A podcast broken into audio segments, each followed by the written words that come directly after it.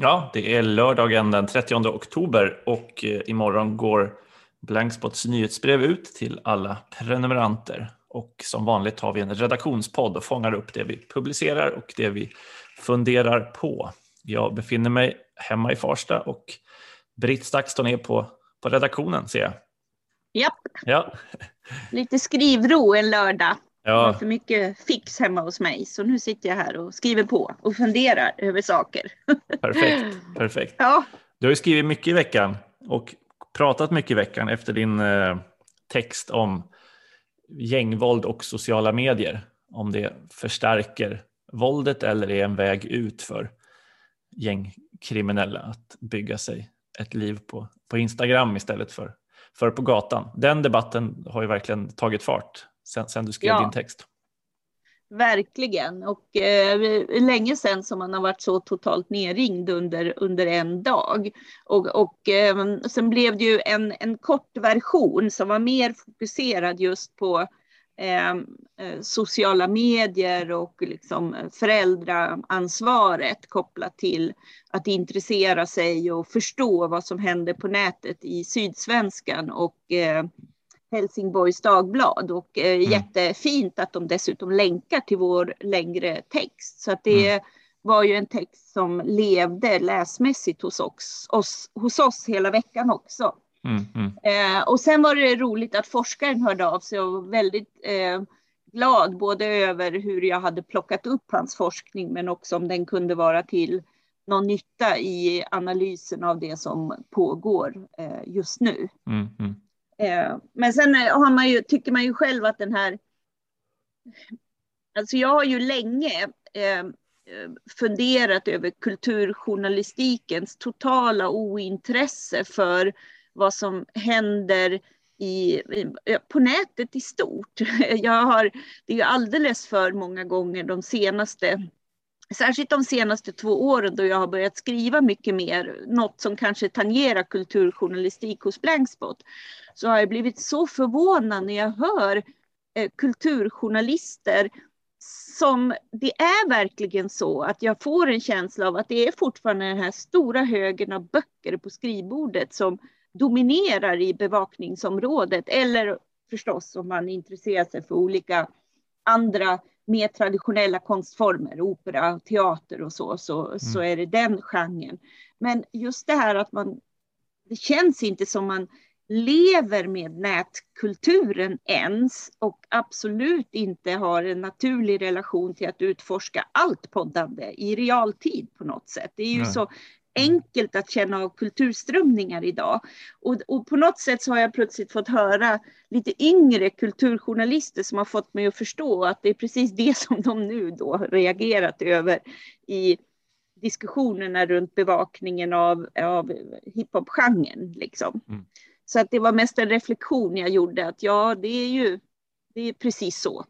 Och jag har delat den där frustra- frustrationen också, men inte lagt ihop pusselbitarna på det sättet som, som de gör i sin kritik. Liksom. Jag hörde på P3-klubben igår till exempel och så. Så resonerade de om det. Kristoffer Andersson heter han väl. Mm, mm. Eh, em, em, em, ja, så det där är ju också intressanta eftereffekter eh, och, och så. Så tänker jag inte kommentera enskilda utspel mer, liksom, eller diskussioner, utan det var mer att jag kopplade ihop det till vad kulturjournalistik egentligen lägger huvudkrut på att, att bevaka. Mm. Mm. Det är, den debatt som förs nu när man är inne och, och följer handlar ju om eh, hur ska man då förhålla sig till att intervjua eh, gängkriminella. Expressen har ju en stor publicering där en person är intervjuad som då tidigare är dömd för ett antal, ja, ett antal brott, bland annat en väldigt grov eh, våldtäkt. Eh, och, ja, Och en blir- ny platta på gång. och en ny platta på gång, precis. Eh, Och Och- var tillsammans med Einar samma dag som det ja, här men hände. precis. Ja, ja. Eh, att det, det blir viktigt Jag är att glad man- att jag inte är ansvarig utgivare eller Nej, chefredaktör som behöver fatta beslut. Hur Ja, nej, men jag tänkte precis säga det, är svåra pressetiska grejer. Jag, alltså jag är ju alltid en varm anhängare av att prata med the bad guys. Jag tycker att det behövs för att förstå detta. Ehm, Det blir svårt att skriva om gängkriminella utan att intervjua gängkriminella eller lyssna på Ja. gängkriminellas musik. Det blir ju det gör man ju journalistiken och allmänheten en otjänst. Givet är det så. Och givet under en sån intervju så ska det ju så, såklart också ställas hårda frågor, vilket det också gör. Men det känns ju som att de som är upprörda över artikeln är emot publiceringen i sig och i grunden inte anser att nej, men det borde ställt den frågan eller den frågan. Eller, eh, ja, ja, just det. Ja. Så kan jag väl ja, eh, känna, känna kring, kring debatten. Det kanske är röster som inte tycker att de här rösterna någonsin skulle höras ändå. Nej, jag får lite den känslan. Eh, ja. Sen är det klart att ja, det vet man ju inte om man exakt visste att det var han som var dömd för exakt den våldtäkten när intervjun gjordes. Men det, hade väl gått, det går väl att komplettera med också i eh, ja, nya artiklar om det. Om det är så. Ja, men har du lyssnat alla... på hela intervjun? Ställs det frågor om medverkan där? Känns inte det mitt i ett pågående rättsfall? Nej, inte om eh, det han är dömd för, nej. Nej, det jag tänkte på inte. mordet på Einar, om han var med då. Om jag har förstått det rätt. Ja, precis. Ja, ja, ja. ja. Jo, men absolut. Jo. jo, det diskuteras. Uh, ja. Ja, ja. Nej, spännande. Alla kastar sig över detta.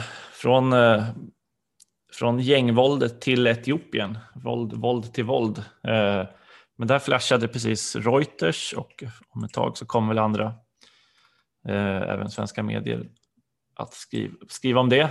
Eh, jag tänkte göra det också här, eh, men det är en rätt stor nyhet att det är en stad som heter Dessi som TPLFs styrkor nu säger sig ha intagit. Eh, det har varit fram och tillbaka kring Dess i flera veckor egentligen, att den har intagit och inte intagen och så vidare. Eh, men har man det så är man ju bara ja, 40 mil ungefär från huvudstaden Addis Abeba och väldigt långt söderut i den här Amara-provinsen som gränsar till Tigray-provinsen. Och det verkar helt klart så att TPLF går för liksom att ja, störta Abiy helt enkelt, gå mot, eh, mot huvudstaden Addis Abeba och ser det som enda sättet att säkra eh, sin, sin politiska makt och eh, vad man då själva menar också ordna den humanitära situationen i, i regionen. Så att det är nej men ett ordentligt maktskifte och ett ordentligt bakslag för premiärminister Abiy Ahmed och de miliser och den etiopiska regeringsarmén. Eh, och här är det ju alltså, det är den allra svåraste av konflikter. Det är en konflikt där ingen part vill lösa det här via förhandlingar utan båda anser sig kunna vinna och vara berättigade till, till segern. Och då handlar det om att minska det civilas lidande för omvärlden. Och det har ju varit svårt eftersom man inte kommer in eh, med hjälp och också svårt eftersom hjälpkonvojer också försvinner och inte kommer tillbaks utan då används av TPLF. Eh, men FN larmar, alla larmar och eh, det här är kanske ändå ett tecken på att de liksom väpnade, den väpnade konflikten eh, har nått, ja, men har nått en ny kulmen om de tar, tar, tar Desi här, vilket de har mm. gjort. Mm. Ja. ja, det kommer bli intressant att följa i veckan här. Verkligen, verkligen. Stort skifte i Etiopien. Mm. I Sudan är det också dramatik, en militärkupp eh, som ju inte folket accepterar utan slår tillbaks. Eh, Linnea Bergqvist skriver i detta nu en artikel om det, intervjuar forskare om vad vi kan tänka om Sudan. Också en utveckling som inspirerade utvecklingen i Etiopien för några år sedan. Där ju unga människor och civilrörelseorganisationer lyckades få till en förändring. Sen har vi också i veckan eh, mycket kring Azerbajdzjan. Eh, konflikten om Nagorno-Karabach mellan Azerbajdzjan och Armenien är ju en av vår tids mest bortglömda men också mest intressanta konflikter. Eh, och sedan en tid så har ju Azerbajdzjan trappat upp sin så kallade kaviardiplomati. Man har inriktat sig på att bjuda in journalister, inte bara från Sverige utan från en rad europeiska länder på bjudresor till landet där journalisterna då får en rundtur, de får träffa det azerbajdzjanska utrikesdepartementet, bo på eh, femstjärniga Hilton och eh, får allting betalt. Och här borde ju jag menar, larmklockorna ringa hos alla professionella journalister. Man, man, tar inte ens, man tar inte en flygbiljett av någon, det, det gör man bara inte. Man betalar för sitt eget uppehälle och resor Sen är det klart, ska man bevaka diktaturer och auktoritära stater så, så kan det ibland vara nödvändigt med en viss mån av inbäddning, men, men det här går ju över alla, över alla gränser. Eh, och vi skrev ju om en sån förra veckan, ni som vet och följer oss, så hade ju Rasmus Kahnbäck en intervju också med en av de som var med på resan och en granskning av organisationen som arrangerade resan. Eh, men nu i veckan så kom också rapporten om att en ny journalistresa hade släppts. Och i azerbajdzjansk press så gick man ut med namnen på vilka de här journalisterna var. Och det var folk som hade jobbat på Sveriges Radio tidigare och lite mer kända namn än, än de som var med på den första resan. Eh, Rasmus Kahnbeck har då sökt de här i veckan. De har precis landat hemma i Sverige igen och det kommer också en artikel om hur de tänker eh, kring, ja, kring det här helt enkelt. Eh, så det, ja, alltså någonstans är det ju vad ska man säga? Det finns ett, ett ansvar för alla reportrar som åker på den här typen av resor. Eh, det kan finnas skäl att åka till diktaturer, men då måste man ju betala allting själv. Flygresor, hotell, mat och alla kringkostnader. Och det här är ju ett av världens mest repressiva länder som fängslar journalister, aktivister, meningsmotståndare. Eh, och det finns ju oerhörda risker också att åka på en bjudresa eftersom det bygger upp någon typ av förväntningar kring vad man kan tänkas publiceras eller bör publicera. Eh, så det är, ja, Report utan gränsers Erik Halkskär också intervjuad i artikeln. Han pratar också om den här risken för utpressning, risken för svartmålning om man sen inte gör sina värdar nöjda. Mm. Det är spännande. Ja. ja, spännande och spännande med den här typen av fortsättning också. Ja, att det bara rullar på. När ja. En av eh, organisationerna twittrade också i veckan att det kommer fler resor, november och december. Eh, ska vi ha fler journalister från Sverige som ska åka till Azerbajdzjan? Eh, så att ja. Vi får, ja, vi kanske hoppar några av nu när det här börjar diskuteras mer och mer och synliggörs. Ja, ja. Mm. Eller också är det att eh, de här gränserna inte finns längre. Det kanske är så. Att, ja, och sen alltså, sen beror ju på, det kan ju vara Alltså begreppet journalist är ju väldigt vitt idag. Det kan ju ja, vara jo, en, en, en, en egen blogg eller, utan... Ja, ja, ja precis. Mm. Jo. Så det behöver man ju titta närmare på. Liksom. Men mm. här var det ju spännande att det var just eh, journalister som hade varit frilansare för etablerade medier där mm, medieetiken mm. är en central fråga. Mm. Ja, men verkligen, verkligen. Ja. Eh, eh, apropå medieetiken är det ju mm. intressant med medieombudsmannen eh, där. Eh, nyheten som kom i veckan om att de Kasper överväger. vill kunna slänga ut ja. föreningar. Mm. Apropå medietiksdiskussionen över just det som var ju väldigt spännande att diskutera på mitt sista möte i mediestödsnämnden innan jag slutade. Mm, mm. Där det ju just var så tydligt att man anslutit sig till systemet utifrån att det är ett av kraven för att få mediestöd. Sen kan man ju själv säga att man lever efter dem, men man kan också mm. välja att gå med och det är ju ett antal medier som har gjort. Eh, och jag tror att några av dem har fällts tidigare och därmed inte har visat att man inte bryr sig om dem genom att till exempel inte återpublicera det eller berätta mm, om mm. det och så. Mm. Ehm, och det där är ju ett första intressant steg i det som kändes ganska omöjligt när jag började peta på det där över att det är ju lite, det är ju ett system som vi behöver diskutera om det plötsligt ansluter sig. Sen är det klart att, man ska, att det ska vara presumtivt. De kanske levererar på det och lär sig medieetik på kuppen. Liksom, och mm, så. Mm. Eh, men eh, det är ju ganska lätt att tro att detta är incitamentet i det här fallet. Och då, det, det, man kan ju inte bara vara passiv och, och, inte diskutera de här frågorna utan då kanske också ta ett... En, vi lever ju i ett nytt medielandskap det kan ju vara en mängd eh, nya medieaktörer som ansluter sig till det utan att riktigt ha förstått vad medieetik går ut på. Så, mm, liksom. mm. så att man kanske behöver ta ett ännu större grepp om själva utbildningsdelarna av det liksom, mm. i sitt arbete. Nej, men det tror jag verkligen behövs liksom, diskuteras även bland yrkesverksamma. Jag tänkte på exemplet som var i, i medierna för en tid sedan när någon mejlar in ett bombhot till en redaktion och det här liksom självklart att kunskapen hos redaktionen finns att men det här kan vi ju inte liksom gå till, till polisen med. Eh, det, det, tror jag att, att många tänker spontant att herregud, vi ringer polisen. Att nej, här, vad, är, vad är journalistikens roll i det här? Vad är, vad är källskyddet i det här? Eh, hur hanterar vi den här, den här nyheten? Eh, men nej, verkligen, det behövs nog en, en medieetisk diskussion för att också dra upp den här gränslinjen mellan vad, är, vad skiljer journalistik från allting annat? Vad, vad, ja. eh, vi är inte poliser, vi är inte aktivister, vi är, vi är journalister eh, och så vidare.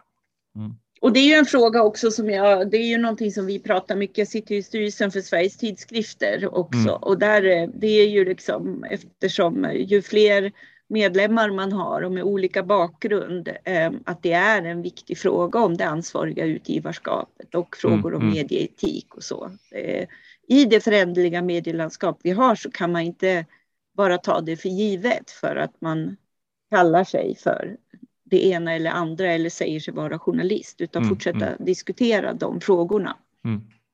Ja men mm. verkligen. verkligen. Eh,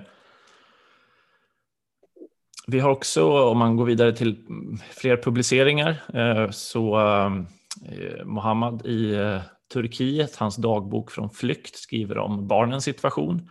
Barnen till flyktingfamiljer som ju inte kan gå i skolan i Istanbul. De syriska barnen kan ju göra det, men inte alla barn från Afghanistan beskriver han. Men också beroende på att familjerna inte vill anmäla sina barn eftersom de också uppger att de själva befinner sig illegalt i landet. Så en, en komplicerad situation, men som de facto leder till att en massa barn inte, inte går i skolan och åren, åren går. Eh, det ringde någon till redaktionen i veckan som ville tala om att de tyckte att det var så fantastiskt med hans dagbok, men också särskilt de här senaste veckorna över att han ger sig ut och eh, ger andras perspektiv också. Så det var väldigt fint. Det är inte så ofta man får mm. telefonsamtal till redaktionen sådär. Nej, nej. Så det var fint. Mm. Eh, ja. ja. Ja men verkligen, den har ju blivit väl läst och delad den, den texten också av, av Mohammad. Eh, och det var lite intressant för att vår anonyma reporter i Kabul hade ju samma nyhet som SVT hade i veckan om familjer som eh, tvingas sälja sina barn för att hantera hungern och den analkade vintern. Eh, inte samma familj som Sabir, Samira Aboid intervjuat, eh, som, som hon intervjuat, men, men är ja, men en, oerhörd, eh, en oerhörd humanitär kris som nu utspelar sig i Kabul eh, och där ju hjälporganisationer måste någonstans frångå att det är talibaner man samarbetar med för att man måste helt enkelt göra det för att få fram hjälpen till, till civilbefolkningen i Kabul. Är på... tydligt. Ja, och nu kommer snart kylan och svälten mm. är otrolig och, och folk försöker fly. Så situationen förvärras väl dag för dag. Mm, mm. Ja men verkligen. Verkligen, så det känns bra att ha ändå journalistisk närvaro att fortsätta följa den där. Ja, ja. ja verkligen. Mm. Ja, och jag kommer eh, väl göra en uppföljning på eh, visselblåsaren Francis Haugen, eller framför allt efter efterdyningarna utav eh, det som väl man kan väl säga att det kanske började med Wall Street Journals eh, granskning som eh, ju pågick fram tills att hon blev offentlig men även eh, efteråt har, har ju Wall Street Journal fortsatt att skriva saker. Eh, och intressant är ju att om man lyssnar i techvärlden så, för, så är man ju väldigt ganska avfärdande av Frances Haugen nu, pratar mycket om att hon ja, att hon... Det är inte något nytt eller? Lite så va? Nej, ja, dels det men också att hon drivs av ett eget incitament. Hon har ju parallellt innan hon gick till Wall Street Journal så har hon ju redan an, Securities and Exchange mm. Commission. Ja. Mm, mm. Uh, och det, det, handlar ju om uh, hur man beter sig på Eh, finansmarknaden. Alltså har de gjort något olovligt i relation till sina aktieägare och då eh, de i techsfären när de pratar om det här pratar ju om att det är den här bountyn hon är ute mm, efter mm, liksom. Mm. Eh, som ju då kommer kunna ge henne, det är väl typ mellan 10 till 30 procent utav de väldigt dryga viten som ett företag kan få om man döms för något här. Mm, mm. Men jag lyssnade på eh, en av de bästa podcasts som finns och det är The Law for Podcast som gick igenom i detalj de eh, tänkbara åtalspunkterna i grova drag. Och då är ju det ena är ju frågan om dess, liksom att man inte har haft rutiner för att hantera falsk information på plattformen. Och advokaten som går igenom det, han säger ju maybe eh, möjligheten till att det ska leda till något, men refererar hela tiden till att det är väldigt marginella chanser att de ens ska ta upp det. Eh, mm. Men det mm. är då ett, ett, ett kluster och där känner man väl själv att det kommer väl vara enkelt för dem att visa vad de faktiskt har gjort, så att mm. säga, mm. hela tiden. Och det ska ju vara saker som är fullständigt okända i mm. förväg. Mm. Och den delen känns det väl som att hela skapandet av Facebook Oversight Board och det som det avslöjat redan har visat, liksom, och det ständiga, eh, de förbättrade rutinerna och moderatorer och sådana saker. Mm. Och den andra aspekten är ju det som handlar om eh, eh om man har hållit undan hur dåligt unga människor mår av att befinna sig på plattformen. Och då tror jag att den delen, alltså om den baserar sig på bara det som man kunde ta del av i samband med hennes avslöjanden så kommer ju inte det hålla överhuvudtaget. Det är en webbsurvey mm. som, är, som är gjord och där man fångar in människor som inom 30 dagar tidigare har, uh, har uttryckt ett, ett sämre mående. Mm. Eh, och det var dessutom ett stort antal, den största är ju nio av tio eller så parametrar där man bara uttryckte positiva och stärkande egenskaper av en Instagram-närvaro. Den känns ju som att den har helt tagits ur sin kontext och bara förvridits. Liksom, den håller inte vetenskapligt. Och dessutom tror jag att det skulle visa sig att Facebook har gjort otroligt mycket saker i relation till det. Det är därför de har diskuterat, tror jag, att ta bort likes på Instagram och sådana mm, saker. Mm, mm. Eh, och vad är den tredje punkten då? Jo, det är ju om han har direkt ljugit, undanhållit information och det som man kanske såg den största chansen att det skulle gå igenom, det är om man har ljugit för aktieägarna om att inga unga är intresserade av att vara på vår plattform längre. så.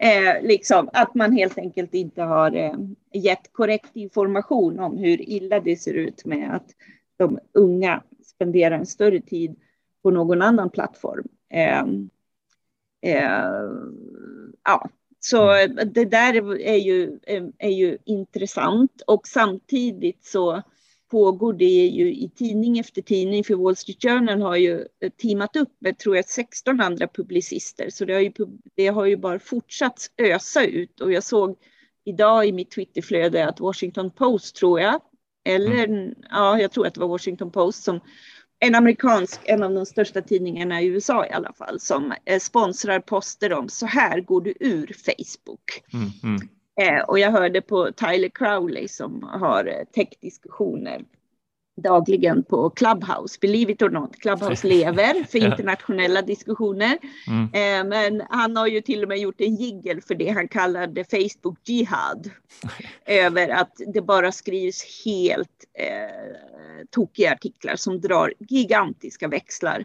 Mm. För nu läcker det ju som ett såll. Det sa jag mm. redan förra gången, men nu kommer det ju varje dag finns det nya artiklar på något litet PM som har läckt. Mm. Och det var intressant i The Lawfare Podcast som var väldigt tydliga med att frågan är om det är ens lagligt att läcka vissa av de här dokumenten. Du skriver ändå på eh, eh, dokument mm. som anställd och det här är företagshemligheter och så vidare och så vidare. Så de vill ändå landa i en diskussion om eh, visselblåsare ska skyddas, ja, men att det också finns att som arbetstagare ansvaret mm. Gentemot sin arbetsgivare också. Men eh, summa summarum, vilken fullständig mardröm att se vartenda litet memo cirkulera runt och bli ett underlag för att visa. Alltså det är ju saker som tas i sitt sammanhang när du inte får veta i detalj vad som faktiskt gjordes med mm. de här och, mm. och vad för slags rapporter. Mm. Man har väl suttit på tusentals styrelsemöten där det har gjorts en rapport hit eller dit. Liksom. Mm. Mm. Ja, och sen eh, kommenterade jag igår i Resumé namnbytet ja, som meta. Facebook har gjort. Då. Meta. Mm. Och det är förstås inte ett resultat av Wall Street Journal-granskningen, att man försöker hitta på ett nytt namn för liksom, woho, vi låtsas som att vi är ett nytt bolag. Nej. Eh, det är ju ett moderbolag. Ja, det, det är inte Facebook som byter namn heller. Nej. Det är väl Meta, är liksom under det finns Instagram och WhatsApp och eh, Facebook. Och så. Ja. Mm. Men det, och där det, tror jag... det är något mer också, det är inte bara ett moderbolag, det är väl också någon form av Eh, The ja, metaverse. metaverse. Ja. ja, vi ska ha våra digitala fysiska miljöer. Vi kliver ja. in i ny, mm. nya miljöer och eh, ja, ja, det är så tramsigt den videon som, ja. som Zuckerberg gör där. Eh, men själva namnet i, i sig, jag såg att Resumé plockade upp det i rubriken att jag sa det är ju lite som att heta community mm, mm. Eh, när du startade Facebook. Det blir ju ett väldigt obsolet namn när det finns mm. tusentals communities och liksom metaverse som ett begrepp kommer vi ju ha. Mm. Och, eh, men en sak är säkert, ett, ett, ett så här namn på. Det gör man ju inte på två månader liksom, utan nej, nej. det där har man ju funderat på länge och jag tror, jag såg en intervju före Wall Street Journal med Zuckerberg om det här. Jag tror att det mycket har att göra med att man har känt av att det är lite töntiga varumärkeskänslan som finns runt Facebook, åtminstone om vi ska prata framtidsfrågor, mm. mm. liksom. eller bara titta på ungas mediekonsumtion. Alltså det är ju gula sidorna, det har sin relevans. Mm. Men det är ju inte det heta, det ligger inte i framkant. Det spelar ingen roll att de var först och störst och bäst nej, på, nej. Ur, i. I, en, i en viss skede i internetutvecklingen. Eh, men de, det andas inte framtid eller något. Men jag vet inte sjutton om jag tycker att Meta gör det mer. Men det är därför. För att man liksom, när han höll på med det, Oculus Rift och allt det, att ha den här Facebook kopplingen mm. gynnar ju inte att det ses som ett hett varumärke eller så. Så eh, ja, så något om det där ska väl summeras i en text för våra läsare också. För ja, det är ändå intressant. Ja, men verkligen. Sammantaget. Det vill jag läsa. ja. ja. ja. Verkligen. Ja. ja. Spännande. Annars så åker jag ju imorgon till Kathmandu i Nepal. Eh, för ja! att möta eh, familjer till gästarbetare, intervjua politiker eh, och människorättsorganisationer. Eh, det blir ett intensivt program under några dagar eh, i Kathmandu och en del resor också i Nepal. Eh, så att ja, i nästa podd så kan vi få mer om det. Ja, ja men jätteroligt mm. och att du äntligen kan ge dig mm. ut. Ja, men de ändrade en... precis reglerna här att man behöver inte sitta tio dagar i karantän. Eh, utan är man fullvaccinerad och har ett aktivt PCR-test, eller aktivt, vad ska man säga, färskt, ja. Eh, och fyller i tusen en formulär så ska det nog gå vägen. Ja, men det ska bli spännande också jag såg att The Economist hade någon grej nu om det här med vaccinpassens förbannelse internationellt. Att de ser olika ut och bedöms olika och att det är lite som innan passstandarden sattes. Nu finns ju en standard ja. för vilka länders pass man godkänner ja. och hur. Men ja. vaccinpassstandarden är ännu inte där. Utan vad betyder Nej, jag säger bara tack och lov för EU. Mot, ja, Precis. EU-passet har ju gjort det jättelätt i Europa. Ja. Mm. Eh, nu får vi se hur det funkar för dig. Ja, det blir spännande att se. Eh, ja, uh. men också att du kommer till ett land. Jag tänker mig Österrike tror jag har en vaccinationstäckning på 63 procent nu, men mm. inför ju allt strängare restriktioner mm. På grund av att smittökningen är så pass stor och särskilt bland barn. Mm. Nu inför man ju från 15 november regeln om att eh, du får ehm, eh, i vissa eh, förbundslän så får du bara gå på restaurang om du har haft corona eller om du är vaccinerad. Mm. Du kan mm. alltså inte eh, gå och fika eller gå på restaurang som ovaccinerad. Mm. mm. Eh, och de har infört 3G-regeln på arbetsplatser. Det vill säga på en arbetsplats ska du testa dig som ovaccinerad och mm. annars visa upp att du har haft corona eller vara vaccinerad. Och du åker till en region i världen där vaccinationstäckningen är långt ifrån våra eller Österrikes dryga 60 procent, där man upplever det mm. är ett problem. Så ja, pass i Österrike. Och så åker du till en Jag fick siffrorna här, ja, precis. Jag ja. siffrorna här precis från, de har ju fått från Covax-programmet 18 miljoner doser, 19 miljoner doser. 6 eh, miljoner fullvaccinerade och 8,5 miljoner har tagit en dos ungefär.